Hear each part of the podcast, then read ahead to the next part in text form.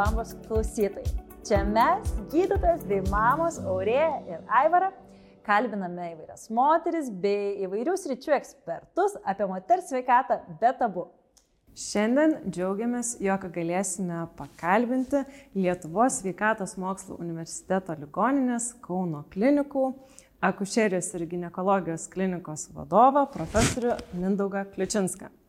Tai labai ačiū, kad pas mus atvykote ir pabendrausime, pakalbėsime labai įdomią ir aktualią temą apie moters teisės gimdymo palatoje. Wow. ar apskritai turi teisę ar neturi? Tai, tai labai diena visiems, smagu, ačiū, kad pakvietėt. Kažkaip vat, smagu jūs matyti kitoje erdvėje. E, apie teisės, tai kiekvienas žmogus turi teisės, ar ne? Kiekvienas žmogus turi teisės, bet aš galbūt esu tos kartos atstovas, kur pirmiau žiūrėčiau į pareigas ir atsakomybės ir tada į teisės. Dabartinė karta labiau pradeda nuo teisų ir paskui jau žiūrėti, kas gausi su tom pareigom ir atsakomybėm. Tai, tai tikrai, tikrai kiekvienas žmogus, tame tarpe ir nešioji gimdyvėje, jos artimas, kuris dalyvauja gimdyme, visi turi teisės ir turi teisę norėti, turi teisę bendrauti, turi teisę kalbėti, išsakyti savo pageidavimus, norus. Tik tai vėlgi turi labai suprasti, kad nu, tos teisės tai nereiškia įpareigojimas ar įsipareigojimas medicinos personalui tikrai taip ir tuo metu, kada tas pageidavimas vienai ir kitai teisė įgyvendinti atsiranda, kad jie įsipareigoja tą padaryti. Tai čia turbūt yra komunikacijos bendravimo pradžia, bet, bet moterys turi žinoti, kad tikrai jos turi teisę norėti, kalbėti, bendrauti, dalinti savo pojūčiais. Ir... Tai pagrindinė ir bus žinutė šio pokalbio, kad ne tik apie teisės kalbėsim, bet kad turim ir tam tikrų įsipareigojimų bei atsakomybių. Taip, ir kai profesorius Mindaugas, dabar net pasivyčiau, kaip galiu vadinti. Puikiai. E, paminėjo tas dalykas komunikacija. Tai irgi yra kertinis akmuo, kurį ko gero ir mes vis kalbame ir kalbame apie tai ir savo kursuose nešiųjų bei gimdyvių, kad komunikacija tai yra viso to pagrindas, kad išsiaiškintumėte su personalu, kokios yra teisės lūkesčiai, visų pirma lūkesčiai ir kokia yra realybė. Bet vis tik tai, pradėkime nuo paprastų dalykų.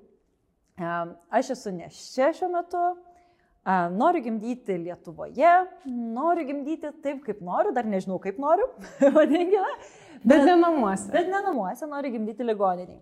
Ir aš jau žinau, kas vyksta, kai prasideda gimdymas, kur aš galiu važiuoti ir kada, kaip sakant, kur aš galiu kreiptis į kokią ligoninę, kokia yra tvarka. Ar aš turiu pasirinkti, ar aš turiu teisę pasirinkti, kurią ligoninę vykti? O gal iš anksto reikia pasirinkti? E, Puikus klausimas. Turbūt į šitą klausimą atsakinėja mes dažnai ir, ir, ir, ir netgi patys, vat, ligoniniai, rengiam tokius video reportažėlius, ar ne, aš jau bent kokius tris kartus esu pasakęs apie tai, bet kiekviena Lietuvos e, neišioji, kiekviena gimdyvė, pilietė Lietuvos turi teisę pasirinkti gydymo įstaigą. E, gydymo įstaigą renkamės truputėlį, vėlgi turim tam tikras taisyklės. Ir, ir vat, Lietuvoje turbūt pirmasis klasteris sveikatos priežiūroje, kuris atsirado, tai būtent akušeriniai, neonatologiniai pagalboj ir tai buvo 1992 metai. Tai Lietuvoje yra pagal, pagal rizikas vertinama, ar ne? Jeigu neštumo metu arba gimdymo metu gali būti uh, moteriai didžiausia kažkokia rizika arba jos naujagimiui gimusiam didžiausia rizika ir gali reikti mm, ypatingos pagalbos, tiek specializuotos įrangos, tiek kvalifikuočiausio Lietuvoje esančio personalo, tai tokios moteris jau iš karto neštumo metu sakome, kad jūs turėtumėte rinktis galimybę iš dviejų ligoninių Lietuvoje, tai yra Kauno klinikos ir Vilniaus antros ligoninė. Toms moteriams, kur yra ta rizika šiek tiek mažesnė, bet jinai vis tiek yra, arba gimdymas prasideda nuo 34 neštumo savaičių, ar ne, ir, ir jau vėliau, tai šitos moterys turi didesnę galimybę rinktis, jos turi taip vadinamas antro B lygio paslaugas teikiančias ligoninės, tai yra didžiųjų miestų ligoninės ir aišku tie du perinatologijos centrai Kaune ir Vilniuje. Na ir tos moterys, kurios sveikos, kurios, kurių neštumas sklandžiai vystosi, kurių neatsiranda jokių komplikacijų ir ta rizika išlieka minimali neštumo metu, ar ne, ir mes matom, kad gimdymo metu tikriausiai tos rizika taip ir išliks maža, tos moterys gali rinktis bet kurią Lietuvos gydymo įstaigą. Tai aš tik tai noriu užakcentuoti, kad e, turbūt perinatologijos centrai yra tos ligonės, į kuriuos gali važiuoti bet kuri moteris, ar ne? Tos antro B lygio ligonės arba didžiųjų miestų ligonės, kur gali važiuoti nu tos, kurios turi vidutinę ir mažą riziką, na ir rajoniniais ligonės, kur turi mažą riziką. Aš nežinau, jau gal kelis metus negyvenu Lietuvoje, tai gal man dabar jau kitaip yra, bet man toks atrodė įspūdis, kai čia gyvendavau, kad visi nori važiuoti gimdyti arba į Kauno klinikas, arba į Vilnius santaros klinikas, ar ne, kad reikia būtinai būti tame perinatologijos centre, nors mes žinome, kad beveik visi gimdymai, tai ko gero 70-80 procentų, vyksta sklandžiai ir jiems nereikia tos labai specializuotos pagalbos. Gali rinktis ir mažesnius miestelius, -hmm. tarkim, važiuoti į mažesnes ligonis, bet labai gerai jūs užakcentavote, kad nebūtinai turi būti komplikuotas neštumas, kad važiuoti į Kauno klinikas, nes tikrai ir mums kartais rašo, kad manęs atvažiuos ir niekas neprims. Arba išvažiuos. Visas priimsim, tik važiuokite jo. Prašom, tik kviečiame Kauno klinikas. Taip, taip važiuoti ir aš tik tai noriu pasidžiaugti, kad Kauno klinikos turbūt nuo 2012 metų tai viena iš dviejų ligoninių, nu dabar gal jau trys atsiradė, ar ne, tai pirmą Klaipėdoje ten pradėjau, paskui Kauno klinikose, akušeriai savarankiškai prižiūri mažos rizikos gimdymus ir jos tikrai yra kvalifikuotos, puikios, galinčios tą daryti. Ir aišku, šeima turi žinoti, kad bet kuriuo metu, ar atsiradus padidėjus rizikai, ar pavyzdžiui pačiai šeimai kilus norui kad sudalyvautų gydytojas, jis visada prisijungs prie komandos. Kaip Skandinavijoje ar vakarų šalyse, kur pagrindė kušerės prižiūri mažos rizikos. Aš ir savo gimdymuose antrame, tai net nemačiau koridorėje gydytojo, kaip sakant. Na, o kitas dalykas, kas šeimoms dabar labai labai aktualu, tai žmonės galvoja apie naujagimiai palankės ligoninės. Šitą jau žodį yra tikrai ne viena šeima girdėjusi nes tai yra tam tikri principai, kurių šeimos, ruoždamasis gimdyti savo gimdymo palatoje, nori. Kurios ligoninės Lietuvoje yra naujagimiai palankios ligoninės ir kuo ypatingi tie naujagimiai palankios ligoninės principai? Tai aš tikrai neišvardinsiu visų ligoninių, nes jinai ne viena Lietuvoje yra naujagimiai palanki ligoninė ir paskutinis vertinimas tai buvo tam tarpe tarp 2012-2017 metų, kai mes turėjom tokią puikią Šveicarijos vyriausybės finansinę paramą stacionariniai pagalboje kušerijoje, tai tikrai dalis bent jau kokios aštuonios, šešios ligonės tikrai buvo pakartotinai įvertintos tęsti savo veiklą ir vadintis naujagimiui palankę ligonę. Kauno klinikos yra viena iš pirmųjų ligoninių, kuri tapo iš universitetinių pirmoji, kuri tapo kuri tapo naujagimiui palankę ligonę ir tų principų laikomės. Ar visada ir, šimtų procentų pavyksta to nu, išla, išlaikyti tą, tikrai galiu pasakyti, tam reikia pastangų ir, ir ypatingai kartais reikia ir su tėvais daug dirbti, nes, nes ypatingai žindymo klausimas, kai po pirmos paros pasidaro labai sunku mamai, skauda, e, žodžiu, tada, tada yra norai visokie, o gal mums čia kokio mišinėlio ar dar kažko. Tačiau vėlgi yra naujas alternatyva. Pieno bankas tiek mūsų ligoniai, tiek universitetiniai, santaros ligoniai.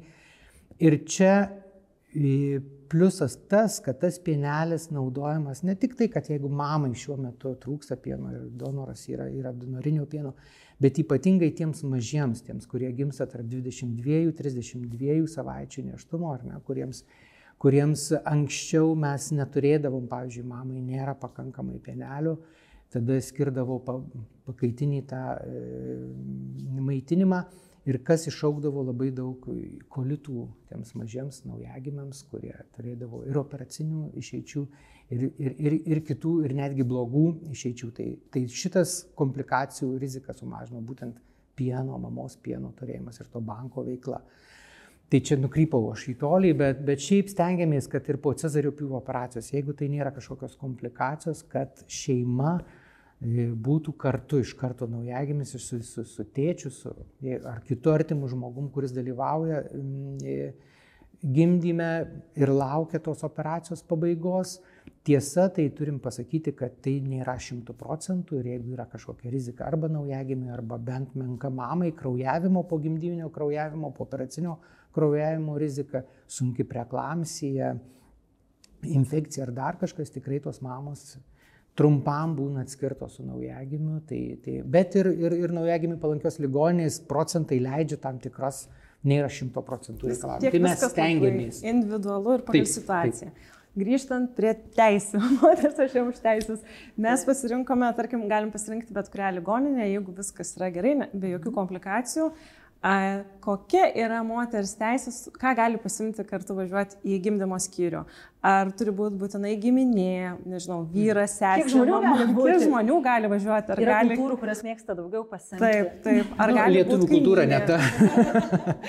lietuvių kultūra ne ta ir tikrai gali e, ne bet ką rinktis į gimdymą. ar ne? Iš pradžių, pirmiausia, tai noriu, kad visos moterys suprastų, kad gimdyme tame labai svarbiame jos gyvenimo procese, įvykė, dalyvautų tas žmogus, kuris gali jai padėti. Tiek psichologiškai, tiek fiziškai tikrai nereikia statisto, ar ne? Ir tikrai labai liūdna būna, kai ta moteris, matai, kažkokiai šiek tiek dar gal ir skausmo kančioje, gal kažkokioj nuovargio kančioje, vyras telefone arba per langą skaito laikraščius ir tarsi jis dalyvauja gimdyme. Tai kartais atrodo, gal jis nedalyvautų, tai net tada mūsų personalas daugiau dėmesio skirtų. Nes artimo žmogaus dalyvavimas gimdyme tai yra nu, nebūti tenai, neieškoti priekabų, nežiūrėti, kur ten kas ką padarė ne taip, ar nori padaryti čia visi ne taip, bet jo tikslas yra padėti tai gimdančiai moteriai. Taip, ir mes žinome, kad jau tada to artimojo, nesvarbu ar tai būtų vyras, galbūt ar mama, ar kitas žmogus, kuris dalyvauja aktyviai gimdyme, jo dalyvavimas netgi pagerina gimdymo išeitis. jau Taip, tai yra mokslo mokslu įrodyta. Taip, mokslo įrodymai ir, ir skausmo malšinimo mažiau reikia medikamentų ir mažiau intervencijų būna ir, ir, ir visą kitą, nes tas psichologinis oksitocino vidinio įsiskyrimas moteriai yra daug, daug e, sklandesnis ir, ir, ir matyt duoda tą geresnį rezultatą. Taigi, kas dalyvaus gimdyme visai nesvarbu. Mes tikrai giminystės ryšių netikrinam ir jokių santokos e, dokumentų neprašom, nieko nedarom. Bet visada dar kyla klausimas, kiek tų žmonių gali dalyvauti. Tai čia jau, vat, kaip e, mes tikrai siekiame, kad tai dalyvautų vienas žmogus. E, Tais atvejais, kaip šeima pasirenka, nu, dar dūlą, tą psichologinį palaikytoją, ar ne, tai dabar jau vėlgi, kai, kai baigėsi COVID pandemijos laikotarpis, epidemiologinis ta palanki situacija, mes tikrai kviečiam ir, ir tą darome, kad gali būti artimas žmogus, plus tas psichologinis palaikytojas dūla, ar ne? Ir, ir, ir daugiau žmonių nesinorėtų, nes jau tada turit suprasti, kad gimdyme, jeigu viskas sklandu, dalyvauja akušeriai viena, ar ne? Bet jeigu tik prasideda kažkokie nukrypimai, dar kažkas tai, tai tada jau tų žmonių priauga ir tada sako, oi, čia priejo labai daug. Bet jie visi yra tam, kad, kad užtikrinti saugumą moters ir jos vaisiaus naujagimio. Na ir jau taip gražiai pradėjome apie tą visą būrį žmonių gimdymo palatoje, tai galime grįžti prie klasikinės situacijos. Manau, vienas iš tokių dažnų klausimų dar žmonėms kylančių, vienas paminėjote, kad prie fiziologinių gimdymų, ten, kur viskas vyksta sklandžiai, pilnai pakanka akušerės priežiūros. A, o kokia vis tik yra situacija su gydytojais? Ar reikia su jais susitarti iš anksto, ar galima pasirinkti? Ar galima pasirinkti tiek akušerę, tiek gydytoją? Ir ar reikia pasirinkti? Mūsų dažnai ir per kursus. Ar reikia klausia, iš ar reikia- pasirinkti? Žinot, aš tai vat, vat, dabar gimdančių moterų karta mane džiugina, nes jau kažkaip pamiršau mamų, močiučių tais įpročius ir visą kitą. Ir, ir netgi iš patirties, va turiu kelis tokius atvejus, kur ir visiems pasakoju, kai atėjo mama su savo dukra nešia, kuri tuo gimdys ir daktarė, vis labai norėtumėm, kad čia jūs dalyvautumėte ar dar kažką. Aš viską išaiškinu, kad atvykimas ir visa mūsų pagalba bus užtikrinta nuo iki.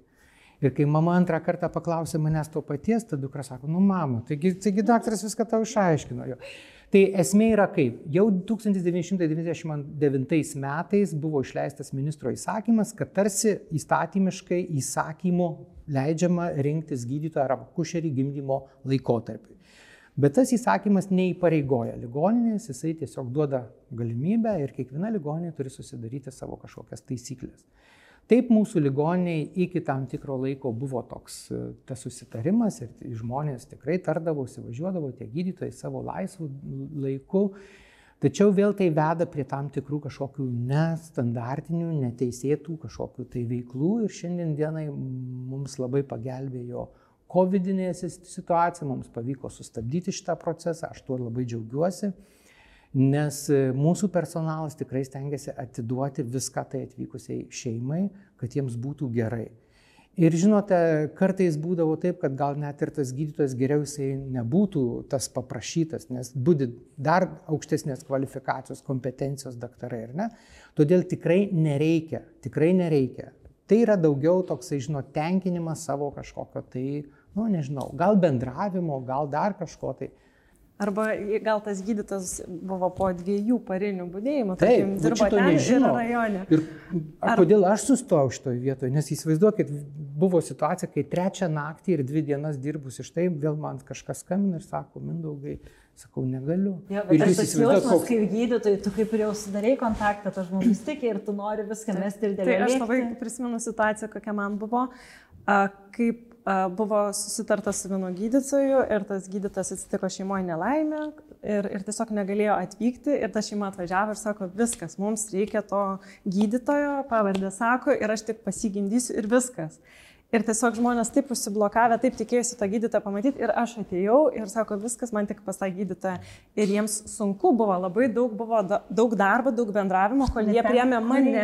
Aišku, viskas finale gražiai gavosi ir visi laimingi, bet turiu omeny, kad jų tas nusiteikimas, kad vat, ne gydytojas pagimdys, vis tiek moteris turi pagimdyti. Ir... ir tie susitarimai ar norėjimai susitarti ar dar kažkokios, tai jie daugiau veda į, į tokį diskomfortą pačią šeimą. Nes vat, ką, ką tik Kaurė papasako, situaciją įsivaizduokit, aš tikiuosi, o šia tau nėra. Lūkesčiai. Mano lūkesčiai dingo. Ir viskas, jau mano mintys yra nesidėsto apie patį gimdymą, apie tai, kur turėtų būti. Todėl... Todėl, Gimdymo metu jėgų reikia daug. taip, todėl idealus variantas, kad to nereikėtų ir, ir, ir mano siekis, kaip klinikos vadovo siekis, kad mūsų personalas dirbtų taip, kad žmonės sakytų, ačiū, tikrai buvo puiku. Ir aš džiaugiuosi, nes mes gaunam ir gaunam tų tokių gražių, aišku, gaunam ir vieną kitą kokį nors pamokantį pasisakymą, tai vėlgi iš to mes mokomės, nes profesionalumas, jūs žinot, jisai nuolatinis procesas, tu jame turi tobulėti, atrodo vienoje pasiekiai vietoje, kitoje žiūrėk dar labai žemai. O jeigu e, at, moteris atvyksta, šeima atvyksta į gimdymo palatą, nesusitarta, tiesiog kas dirba, tas, tas, tas dirba, bendrauja ir jaučia, kad labai nesutampa biolaukai, Visi mes kažkokia žmonės, intonacija, ar visi mes žmonės, taip, ir kažką spinduliuojam, ar ne? Ir tiesiog, nu, labai blogai moteris jaučiasi susikaušus, bijo kažko paklausti, ar su kušerė kažkas nelimpa, ar su gydytoju komunikacija. Ar moteris turi teisę paprašyti, kad ar galite pakviesti kitą gydytoją, ar galite pakviesti kitą akušerę.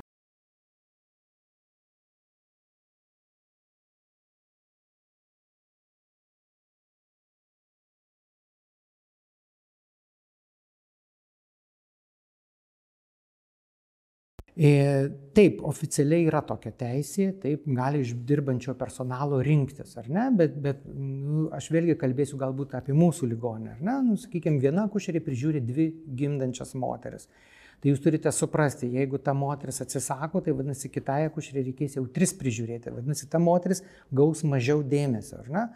E, Gera mintis, mums reikia galvoti, kaip apie tą daryti, nes tik, tu, tikriausiai, kad yra tų situacijų, kada būtų galima e, nu, pagerinti dar tą atmosferą, ar ne? Galbūt jeigu tikrai, kaip sakot, kartai žmonių biolaukai nesueina. Čia į priekį mums pagalvoti, bet, bet šiaip e, iš gydytojų tikrai būna taip, kad, sakykime, nu, yra kito tikėjimo žmonės atvažiuoja, sako, aš vyro ne, ne, neprisileis moteris, ar ne? Visada ieškom komandoje, kur dirba e, moteris ar ateina žiūrėti ir tada dėliojam šitas. Ta ir norėjau pantrinti, ko gero, e, dirbant gimdymo skyriuje, kaip sakote, vienas dalykas yra kušerės, bet kitas dalykas dar yra kita personalo dalis. Galbūt ne, nepavyksta užmėgsti tobulo kontakto su kušerė, galbūt tuomet įmanoma ieškoti to kontakto su kita personalo grandimi, galbūt tai bus gydytojas, galbūt tai bus akušerės padėjėja ir panašiai. Yra ir tokia galimybė. Tikrai taip. Aš vėlgi noriu džiaugtis, kad nu, mūsų ligonė yra daug jaunų žmonių, tai yra rezidentai, gydytojai, kurie tikrai jau, jau jeigu jie atėjo dirbti, jau jie yra, jau yra, turi tam tikrą patirtį, jeigu jie būdi, tai jie jau yra mažiausiai trečių, antrų, ketvirtų metų rezidentai. Tai vėlgi yra lengvesnis kartais su jaunu žmogum, ar ne? Jaunam žmogui su jaunu lengviau. Nors ir mūsų dabar akušeris praktiškai tik likę kokie 10 procentų patyrusių tų amžiumi patyrusių, bet visos patyrę profesinę savo veiklą, visos, visos kvalifikuotos, kompetitingos. Kita vertus yra gydytojas, visada yra komandoje dar tas vadinamas vyrbūdintis, ar ne gydytojas, nu tas, kuris jau iš visų klinikinių situacijų išeis ir jis dažniausiai prisijungia tada tikrai, kada jo reikia to gydytojo. Tai Svarbiausia, ko gero, čia vėlgi yra komunikacija. Jeigu tu jautiesi labai blogai tame ir jeigu tu esi visas net sugniužęs ir nu nebegali gimdyti, tai iškomunikuoti, tai kalbėti. Arba net gal su to, net su to, kuris tave prižiūri. Tikrai taip. Personalų kalbėtis ir, ir ieškoti problemų. Ir dar vienas labai, ko noriu prašyti visų šeimų, visų, kurie ruošiasi gimdyti, nesvarbu, kurioje ligonėje, atvažiuokit su geru nusiteikimu ir su pasitikėjimu personalu. Dar nemačiau Lietuvoje nei vienos akušerės, nei vieno gydytojo, nei vieno rezidento, nei vienos laugutės, kurie norėtų padaryti ką nors blogo. Jie kartais, jeigu ir padaro kažką, kas mums atrodo galbūt netinkama, tai arba iš savo kažkokio nuovargio, arba iš savo nesupratimo tos situacijos, Žmogiškos arba klaidos. žmogiškosios kažkokio. Tai, tai, tai vat, jeigu netgi sutinka jūs tuo metu kažkokią su nervu veide akušerį ar ten kažkas, tai nusišypsokit ir iš karto pasikeičia kitas. Galbūt jis turėjo blogą skambutį ar dar kažką. Galbūt jinai ką tik sprendė kažkokią situaciją, kur reikėjo ekstrinę situaciją, kur, kur reikėjo daug adrenalino, daug, daug nervų, daug visko. Tai. Na ir dar toks vienas dalykas, ko gero, dėl ko dažnai žmonėm kyla ir gal net ne tiek komunikacijos klausimas, bet atrodo, kad va čia va net tas žmogus buvo su manimi. Nes žmonės dabar irgi labai labai daug žino, lanko įvairius kursus, išgirsta įvairių situacijų, galbūt draugai gyvena užsienyje ir ten vyksta kažkiek kitaip gimdymo priežiūra ir jie nori, e, nori, kad gimdymas vyktų tik taip ir ne kitaip, pavyzdžiui, ir ypatingai kalbant apie tokius labai praktinius ir paprastus dalykus. E, tai kaip tarkime gimdymo pozos arba gimdymas vandenyje. tai kiek e, žmonės turi teisės rinktis. Žinau, kad gal jums kaip profesionalai šitas klausimas skambės juokingai. Bet, e, nes mes irgi taip, taip, taip, visai kitaip į jį reaguojame. Dažniausiai klausimai yra apie pozas. Ar galiukai, ar... Mm, Ypatingai gimdyti... išstumimo laikotarpiu. Taip. Vienas dalykas uh, gimdos kaklelio atsiverimo laikotarpiu, ar žmonės gali laisvėt, laisvai judėti ar ne. O kitas klausimas išstumimo laikotarpiu. Sako žmonės, kad visus Lietuvoje tiesiog paguldant lovas ir kito kelio nėra. Tai šitoje vietoje Nenoriu pilnai sutikti, nes, nes tikrai pirmasis e, netradiciniai padėti gimdymas buvo 2004 mūsų, e, mūsų ligonė 2004 metais, kai aš tapau skyriaus vadovu ir mes gimdėm, vyras laikė už pažastų, moteris tupėjo, kulpojo, e, jis buvo minkštai atsisėdęs ir, ir netgi turiu tą nuotrauką ir, ir, ir tai yra istorija. Tai Šitoj vietoje yra du variantai. Moteris turi žinoti, kad tikrai jos gali rinktis gimdymo padėtį, jeigu mamos ir vaisiaus būklė tuo metu yra saugi ir gera. Taip? Bet tą turi sakyti akušeriai, turi kalbėti, atvykote gimdyti ir sakykite, žinot, mes skaitėm, vat, kad galima gimdyti taip, mes, galim, no, mes norim taip, mes netgi galbūt neštumo metu tais po, po, pozas bandėm, nu, kaip jos galėtų būti. E, bent jau mūsų ligoniai Kauno klinikose tikrai yra visos sąlygos padėtiems įvairioms padėtims. Tačiau turite atsiminti, kad jeigu blogėja vaisiaus būklė ir mes matom, kad gali reikaling, būti reikalingos tam tikros intervencijos, arba pačios mamos būklė, arba jinai atvažiavo, sakė, man padarykite epidūrą, aš noriu pasidaryti epidūrą, ar ne kaip jos sako moterys. Tai yra analgezija, kada kojos nelabai, nes nuimant skausmą šiek tiek ir, ir, ir, ir jutiminiai, ir, ir, ir raumenų tonusas ar ne keičiasi. Tai yra tam tikrų situacijų klinikinių, kada saugiausia tai mamai būti būtent to tokioj pusiau sėdimoji, pusiau gulimoji padėtyje. Dar yra grupė moterų, kurios sako, oi norėsiu taip, norėsiu taip, bet kai jau tik prasideda tas tikrasis taip, sako, ne, ne, ne, guldykit mane į tą lovą. Ką jūs... normalu, nes ir tai visai normalu. Aš, aš, aš, aš, aš priklausau tai moterų grupiai. aš ir sakiau, bet. bet taip, labai smagu dar kelis gyvenimus patirti, nes e, man atrodo, E, mes irgi kaip su kursų dalyvėmis nuolat kalbame. Viena yra ta pusė, kaip jūs sakote, kaip klostysis gimdymas, kokia bus mamos bei naujagimo būklė.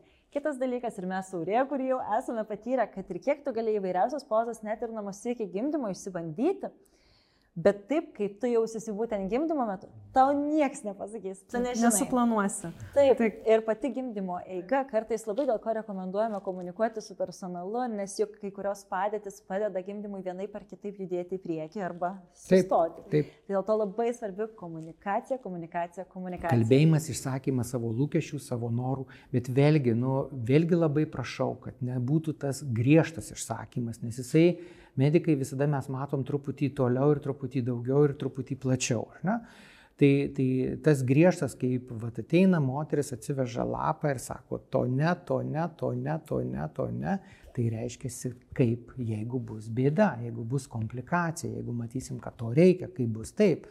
Tai aš suprantu, kad tas, kaip vadinamas, gimdymo planas ar ne, tikrai jis turėtų būti irgi aptarinėjamas, kodėl šitą reikalinga, kodėl, kodėl vienu metu mes galim vienu kartu tą, to atsisakyti, kitu atveju sakysim ne, ne.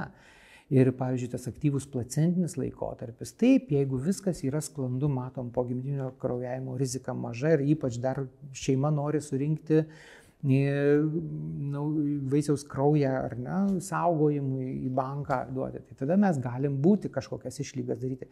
Bet įrodyta, pasaulio įrodyta saugumas būtent aktyvaus placentinio laikotarpio, apsaugant moterį nuo pogimdyvinio kraujavimo, nuo transfuzijų, nuo, nuo intervencijų papildomų, nuo visko. Tai turbūt šnekėjimas jisai įveda į tam tikrą. Ir čia aš matau vieną turbūt didžiausią Lietuvoje tam tikrą galbūt ne, ne problemą, bet tokį vietą, kur mes turėtumėm sujungti visi jėgas, tai dabar labai daug įvairių mokyklų, kurios labai mokina, kaip reikia būti neštumo metu, kaip būti gimdymo metu. Praktiškai kiekviena ligoninė turi taip ir, ir, ir, ir jūsų veikla tame yra, bet tikriausiai nėra to tokio kažkokio standartizuoto, ką mes būtinai turime pasakyti.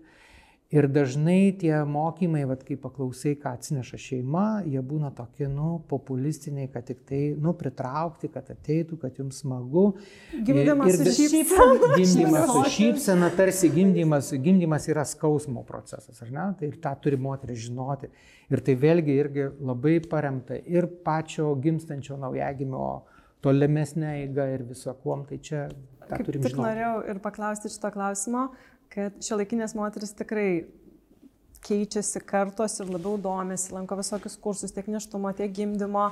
Ir kaip jums, ar pasunkėja darbas, kai moteris yra apsiskaičiusi, lankius kursus, ar ir buvo paprasčiau dirbti, kai jokių kursų negirdėjo, atvažiuoja, tiesiog pasitikė personalą ir viskas. Ar kai tiesiog bando. Vienareikšmiškai, vienareikšmiškai, jeigu moteris lankė tuos mokymus, kurie tikrai yra grįsti mokslo įrodymais ir gerąją praktiką, ar ne, tai vienareikšmiškai yra personalui lengviau. Nes jau už, iš, užsiminus kažką, jau moteris žino, apie ką eina kalba, ar ne? Ir tas vyras dalyvaujantis gimdyme, ar ten kitas žmogus artimas, kuris dalyvauja, yra vienareikšmiškai lengviau. Ir mes, vat, kai buvo COVID ir mes buvom sustabdę įleidimą artimo žmogaus, tai personalui krūvis daug didesnis teko, nes mes tikrai žinom tų moterų nerimą ir tos akušerės dar, dar daugiau savęs atidavė tame gimdymo procese.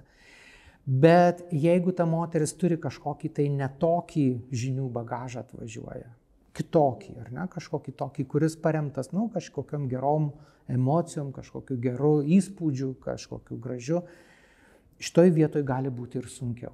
Šitoj vietoj gali, už tai aš ir sakau, už kažkokį standartą mes turėtumėm, kuris turėtų būti, nu, kiekvienuose mokymuose pasakytas, kuris turėtų būti įrodymais, mokslu grįstas ir gerai. Toks, kuris padėtų ir šeimai, ir visam personalui gimdyti. Prisimenu tie gimdymo planai. Šiaip nieko blogo turėti gimdymo planą ir net atsimenu, kaip buvo moteris atvyko su gimdymo planu ir ten buvo gal 20 punktų ir sakau, visur ček, ček, ček, viskas bus, nes va, kaip pas jūs parašyta, taip ir darysim, nes tiesiog viskas atitiko. Būna, kad tie gimdymo planai taip atrodo, kad nu, tu tiesiog negali daryti, tada neligoninė. Aš džiaugiuosi, kad jau tų tokių planų jų praktiškai mažėja arba jie išnyksta, tų tokių, kur tu negali daryti, jo, kur jie nerealūs, ar ne? Nes, nes aš tai noriu, kad šeimos suprastų, nu, medicinos specialistas, nesvarbu, akušeriai, gydytojas, laugutė, rezidentas, kas dalyvauja gimdyme, prie gimdymo, visų tikslas yra, kad būtų rezultatas geras, ar ne? ir, ir kad, kad net jeigu ir besistengiant tas rezultatas bus kažkoks kitoks, kad mes pasakytumėm, nu kodėl jisai buvo toksai kitoks, ar ne? Visi stengiamės, visi viską darėm, bet jis truputį kitoks gavosi, negu gal įsivaizdavom. Bet jeigu tu padarai viską, ką tu žinai, kas gali būti, padėti, kad tas rezultatas būtų geresnis ir jis gaunasi, nu, tu ramus širdį, kad nu, tu tarsi viską padarai. Ta šeima stengiasi, ar ne? Ta mama nepasimetinėjo, jinai ne, nesiuntinėjo, vyras lygiai taip pat jai padėjo, ar ten artimas žmogus. Medikai darė viską į, į, tą, į tą situaciją reikalingus savo veiksmus ar ten sprendimus. Ir gavosi taip, nu tai vadinasi vis tiek visi stengiamės. Bet jeigu tu vat, kažką iš to sakai, ne šito aš nedarysiu, rezultatas bus blogas ar ne, nu tai tada, o atsakomybę šiandienai ligoniai vis tiek neša medikai Nors labai norim ją dalintis ir su šeima, ir, ir, ir šitoje vietoje į kiekvieną sprendimą, į kiekvieną stengiamės įtraukti šeimą, kad jie suprastų, apie ką eina kalba. Tai ar, ar visada tai atsakomybių moteris? Taip, vienareikšmiškai. Nu, tai kiekvienas mes pirmiausia turim būti atsako, atsakingi už neštumą, už jo eigą, už, už, už elgesį neštumo metu, ar ne? Į, už, už galų gale pasirengimą tam gimdymui, taip, už, už savo kultūros, kaip čia, elgesį kultūringą, ar ne? E, visuomeniai tame tarpe ir toj, toj pačioj mūsų ligoninėje, ar ten gimdymo palatoje. Tai atsakomybė, aš manau, tenka tiek nešiai, tiek ten dalyvaujančiam artimam žmogui. Taip kaip ir ta atsakomybė tenka mums, medikams, padėti. Ir manau, šiandien buvo tokie svarbiausi e, jūsų žodžiai, kurias irgi nekartą girdėjau, kaip ir mes urės savo kursų dalyviams visuomet sakome, mūsų visų tikslas medikų yra sveika mama ir sveikas naujagimis. O visa kita yra tik detalės. Taip. Kokiu būdu pagimdysit, ar natūraliais takais, ar cezaripjūvio operacija, ar ten bus skatintas, ar su epidūra, ar nesvarbu. Svarbu, kad jūs būtumėte sveika ir sveikas leliukas. Ir svarbu, kad nu, tikėtų ir pasitikėtų ir bendrautų, kyla klausimai, klauskime, kyla klausimas iš klausimo užduoto, klauskime toliau.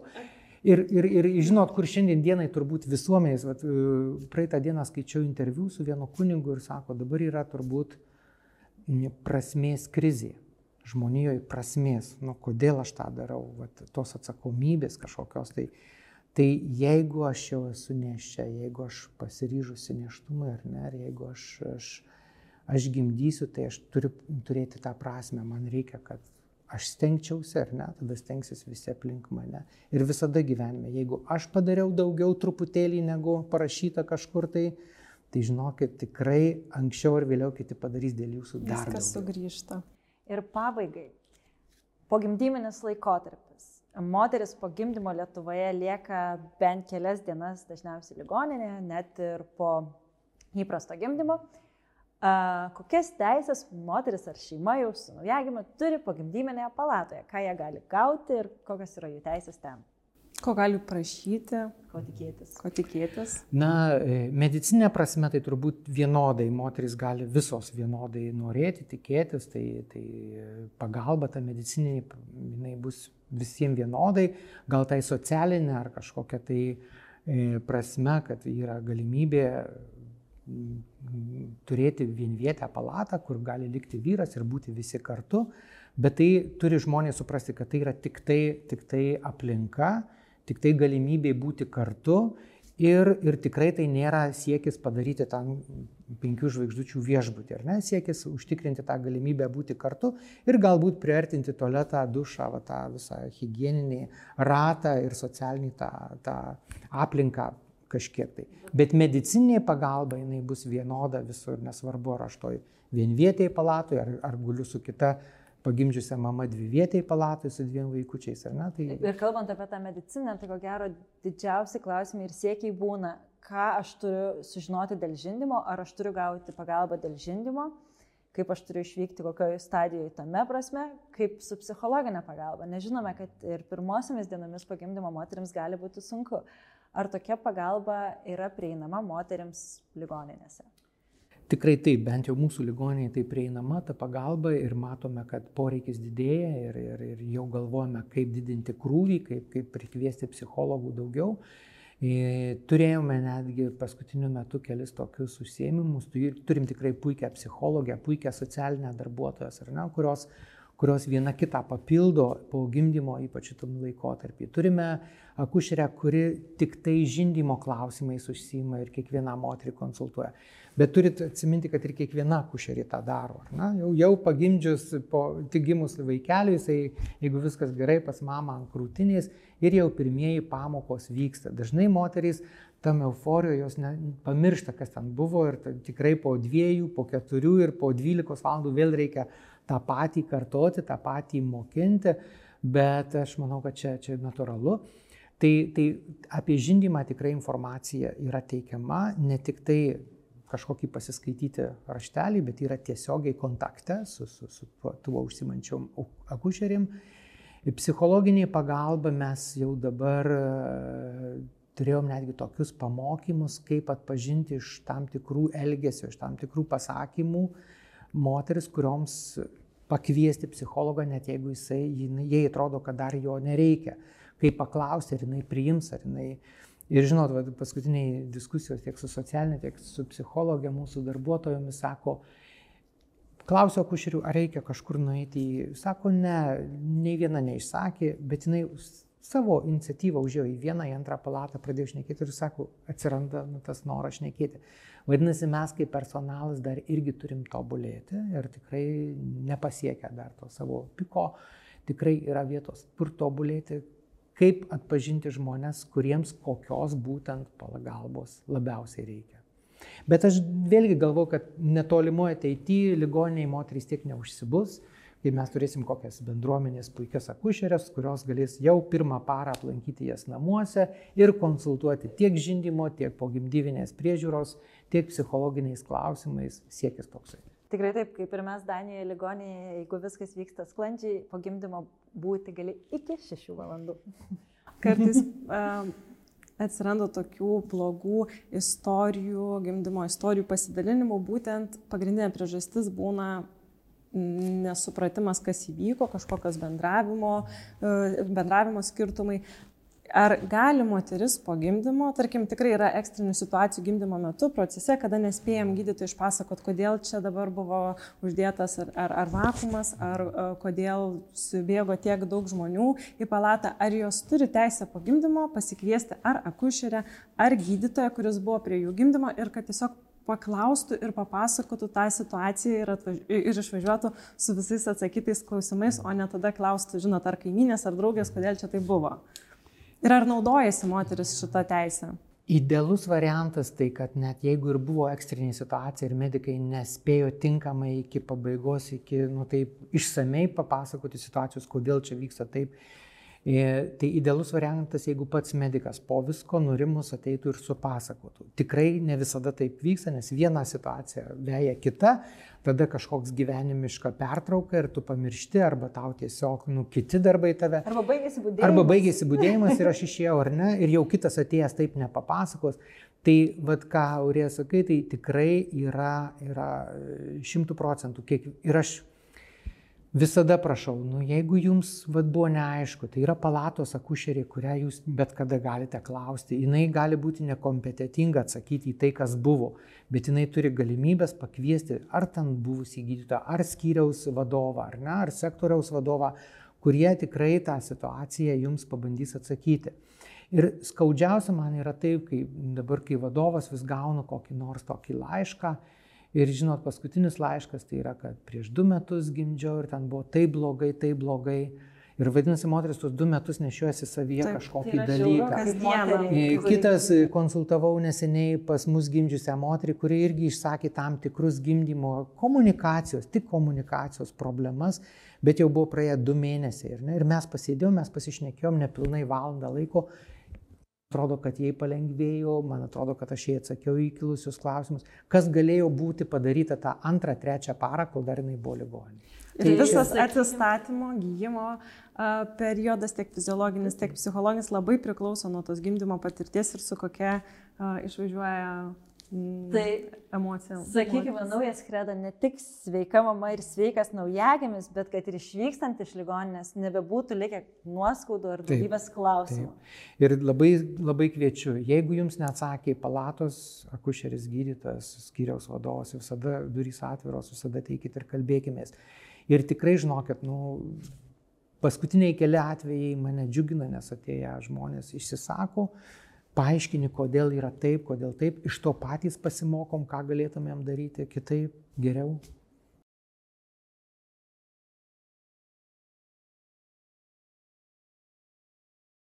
Tai labai ačiū už šiandienos pokalbį. Tikrai daug teisų aptarim ir tokių netgi. Nepamirškim pareigų ir atsakomybių. Net pareigų, manau, kad e, Cezario pyvo operacijos pasirinkimo teisė, kuri jau kaip ir uh, sveikatos apsaugos ministro įstatymų patvirtinta, apkalbėsime e, kito, kitoje laidoje, kai jau tikriausiai bus ir ne tik teoriškai, bet ir praktiškai įgyvendinama.